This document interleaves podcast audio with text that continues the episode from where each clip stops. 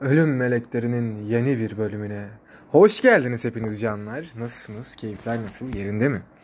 Ben La Burak. Her zamanki gibi e, benim mükemmel manyak, içten içe seri katil ruhlu, seri, seri katil ruhlu dinleyicilerimle yeni bir e, gerçek suç olayını işlemeye geldim. Um, ama spoiler vermeyeceğim. Biraz dinleyin, biraz acaba neymiş deyin ya. Neymiş bu bölümümüz? Bu bölümümüzün ne olduğunu söylemeden önce geri dönüşleriniz için tekrar ve tekrar ve tekrar teşekkür ediyorum. Bana gönderdiğiniz her öneri, bana gönderdiğiniz her mesaj hiçbir zaman cevapsız kaldı mı? Bir mesaj alsam da ben hepsine tek tek cevap veriyorum. Ya işte ben böyle bir kralım falan. Hmm, evet bunu dedim teşekkür ettim sizlere. Ondan sonra aa biz hostlandık yayında. Evet evet biz hostlandık. 5000 kişi falan geldi izledi beni heyecanlandım böyle kıpkırmızı oldum. İlk defa hayatımda hiç 5000 kişi bir yerde görmemiştim orada gördüm. Gerçi görmedim hiçbirini de. Ya 5000 kişi yazıyordu. Neyse. Bununla geçtik. Um, sonra ne? Benim makalem yabancı bir gazetede çıktı. Nasıl oluyor Burak derseniz linkini tabii ki de paylaşacağım ama Patreon'da. Sonra daha söylemem gereken ne var? Um, anladığınız üzere ben bu aralar çok mutluyum. Neden mutluyum? Beni mutlu eden mükemmel birisi var çünkü. Duy beni kız. Neyse. Hmm, daha ne kaldı? Hiçbir şey kalmadı herhalde. Hadi bölüme geçelim. Canlar bölümdeyiz.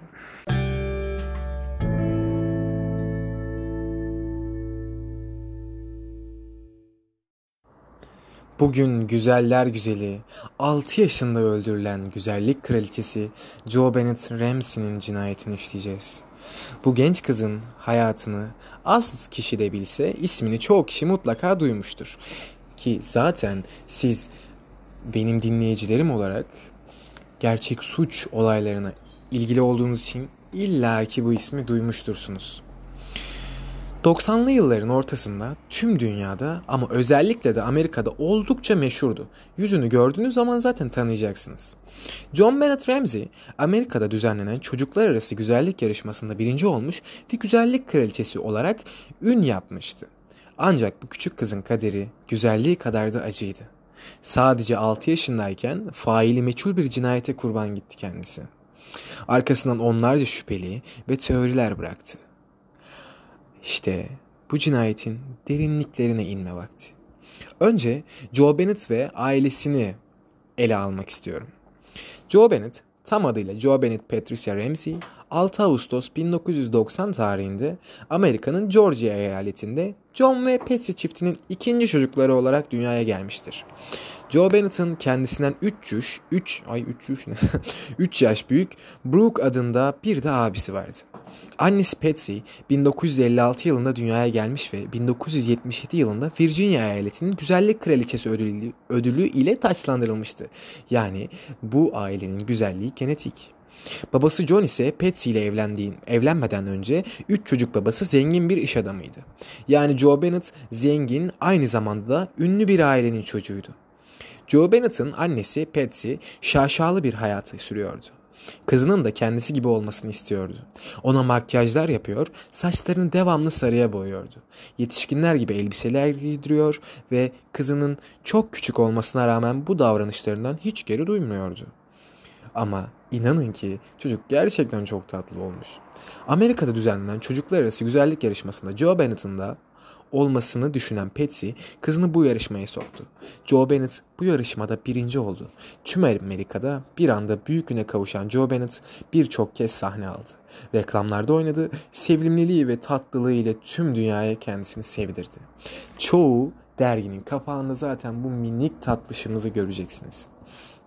Instagram'da paylaşırım büyük bir ihtimal.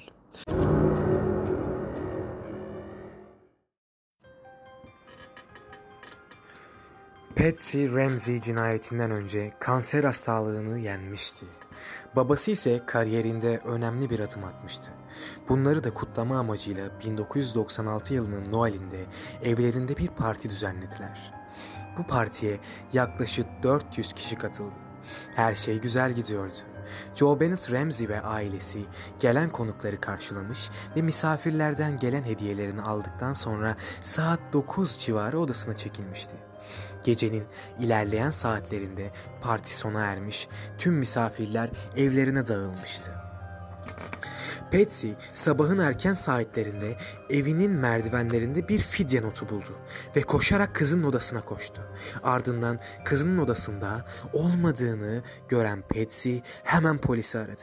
Polisler hızlıca eve gelmişlerdi. Aileyle konuşuyor ve bir yandan kızı kaçıran kişilerden telefon bekliyorlardı.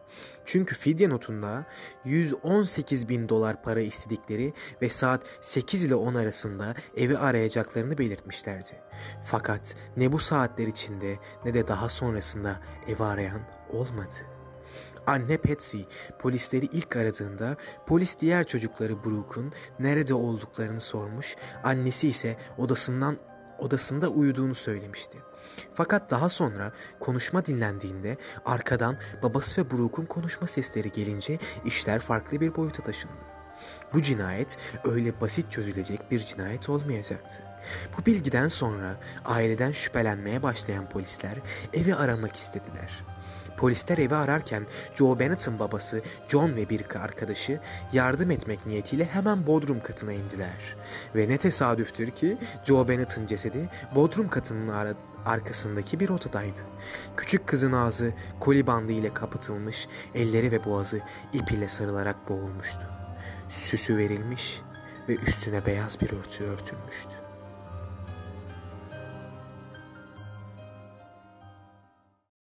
Şimdi biraz da otopsi sonuçlarına göz atmak istiyorum.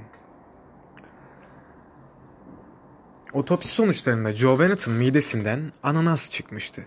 Kafasına sert bir cisimle vurulduğu ve kafatasının kırık olduğu, kötü bir şekilde dövüldüğü ancak ölüm nedeni bu yaralanmalar yüzünden değil boğularak gerçekleştiği saptandı. Üstünde hiç meni bulunmamasına rağmen iç çamaşırında bir damla kan ile vajinal bir yaralanma tespit edilmişti ve daha önceden tecavüz edildiği öğrenilmişti. Peki küçücük bir çocuğa tüm bunları yapan ya da yapanlar kimdi?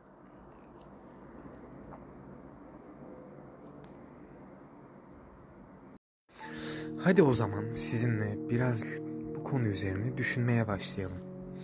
Olayın detayları medyada duyulmaya başladıkça halkın büyük bir çoğunluğu aileden şüphelenmeye başladı. Anne Patsy eski bir güzellik kraliçesiydi. Kızının şöhretini kıskanmış ve kendisi öldürmüş olabilirdi. Ve bu gerçekten tam bir fiyaskoydu.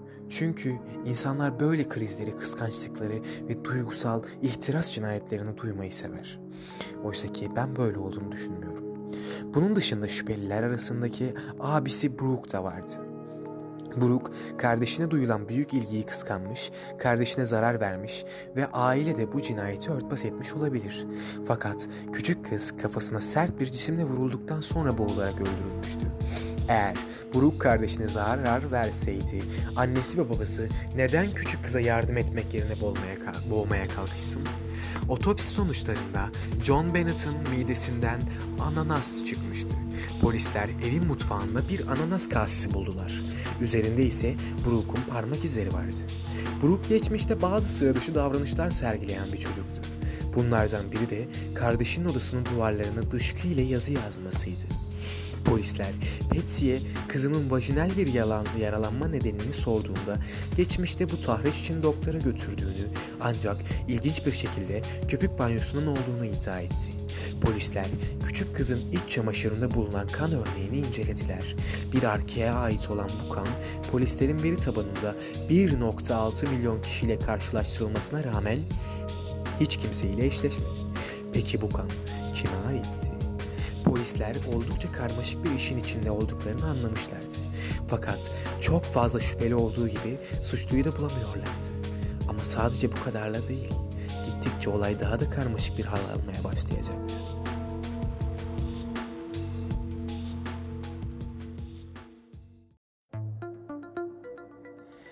Fidye notundan pek bahsetmedik.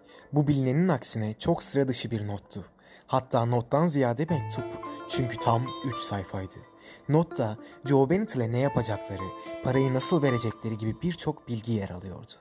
En ilginç noktalardan biri de talep edilen para. Neden 100 veya 120 değil de 118 bin dolar? Bu miktar John'un geçen yıl Noel bonusu olarak aldığı paraydı. John, notu bu bilgiyi bilen birisinin yazdığını iddia etti. Ancak notta aile ve polisler hariç hiç kimsenin parmak izi yer almıyordu. En ilginç durum da bu değildi. Notun yazıldığı kağıt ve kalem eve aitti. Yani fidye notu o evde yazılmıştı. Yazı incelendiğinde Patsy'nin el yazısına benzetildi. Ancak kesin olarak ispatlanamadı. Aileye yalan makinesine girme teklifi yapıldı.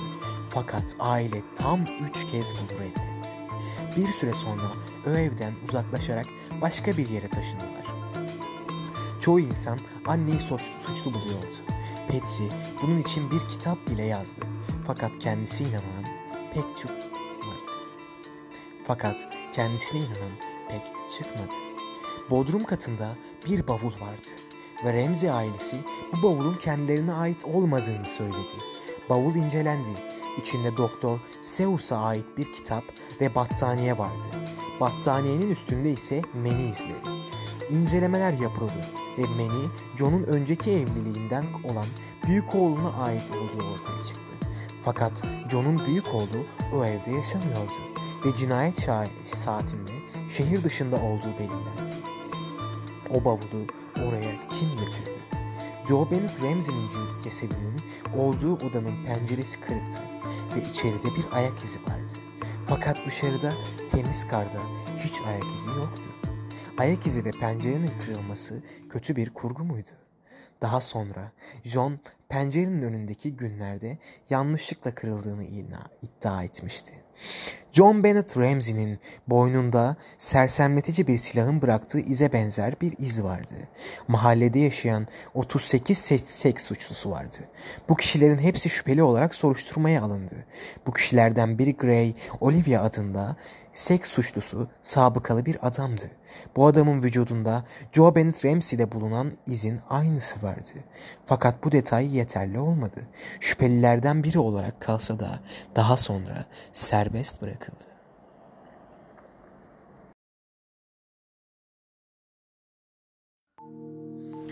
...15 Ağustos 2006 tarihinde Tayland, Bangkok'ta öğretmenlik yapan John Mark Carr adında bir 41 yaşında ilkokul öğretmeni pedofili suçundan tutuklandı ve bir itirafta bulundu. Joe Bennett'ı ben öldürdüm. Öldürdüğü an beraberdik uyuşturucu kullandığını, cinsel saldırıya uğradığını ve daha sonra yanlışlıkla onu öldürdüğünü iddia etti. 10 yıl sonra bu cinayet tekrar gündeme taşısa da John Mark Carr ile ilgili hiçbir kanıt yoktu. Kendisinden alınan DNA örnekleri John Bennett cinayetindeki hiçbir DNA ile eşleşmedi. Bu itiraf tamamen dikkatleri üzerine çekmek ve popüler olmak için uydurulduğu düşünülü. Ben de buna son derece katılıyorum.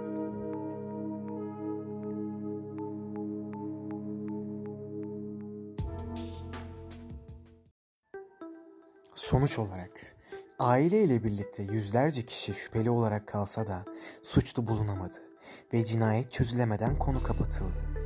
İnsanlar cinayet hakkında birçok teori ortaya attı.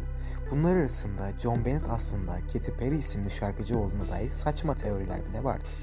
Patsy Ramsey'in 2002 yılında kanser hastalığı tekrar nüksetti ve 2006 yılında hayatını kaybetti. Babası John ve abisi Brooke şu anda hala hayatta. Olayla ilgili birçok belgesel çekildi, araştırmalar yapıldı. Buna rağmen cinayetin zanlısı hiçbir zaman bulunamadı.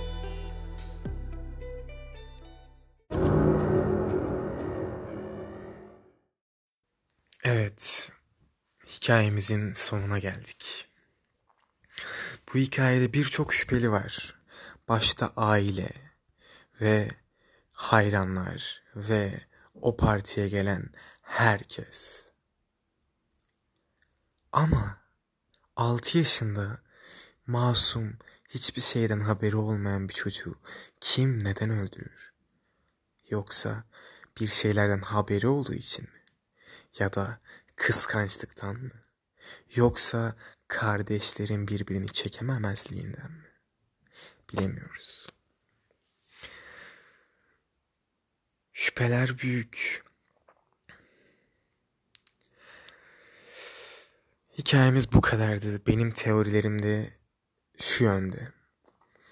Ben en mantıklı şekil olarak önce bir fidye olarak tasarlanmış ve birden fazla kişinin işlediği bir cinayet olduğunu düşünüyorum. Çünkü örtbas etmeye ve konuyu karıştırmaya çalışmak için bir sürü hazırlanmış şey var. Ananas, çocuğa suç atma, diğer çocuğa suç atma. Ondan sonra annenin üzerine suç bırakma ve e, cinsel tecavüzde bulunulmuş şey şey gösterme, kırık cam bu gibi şeyler toplu birkaç kişinin aynı anda yaptığı anlamına gelebilir. Kısacası ben bu şekilde düşünüyorum. Ve bu fikri bana veren çok kıymetli dinleyicim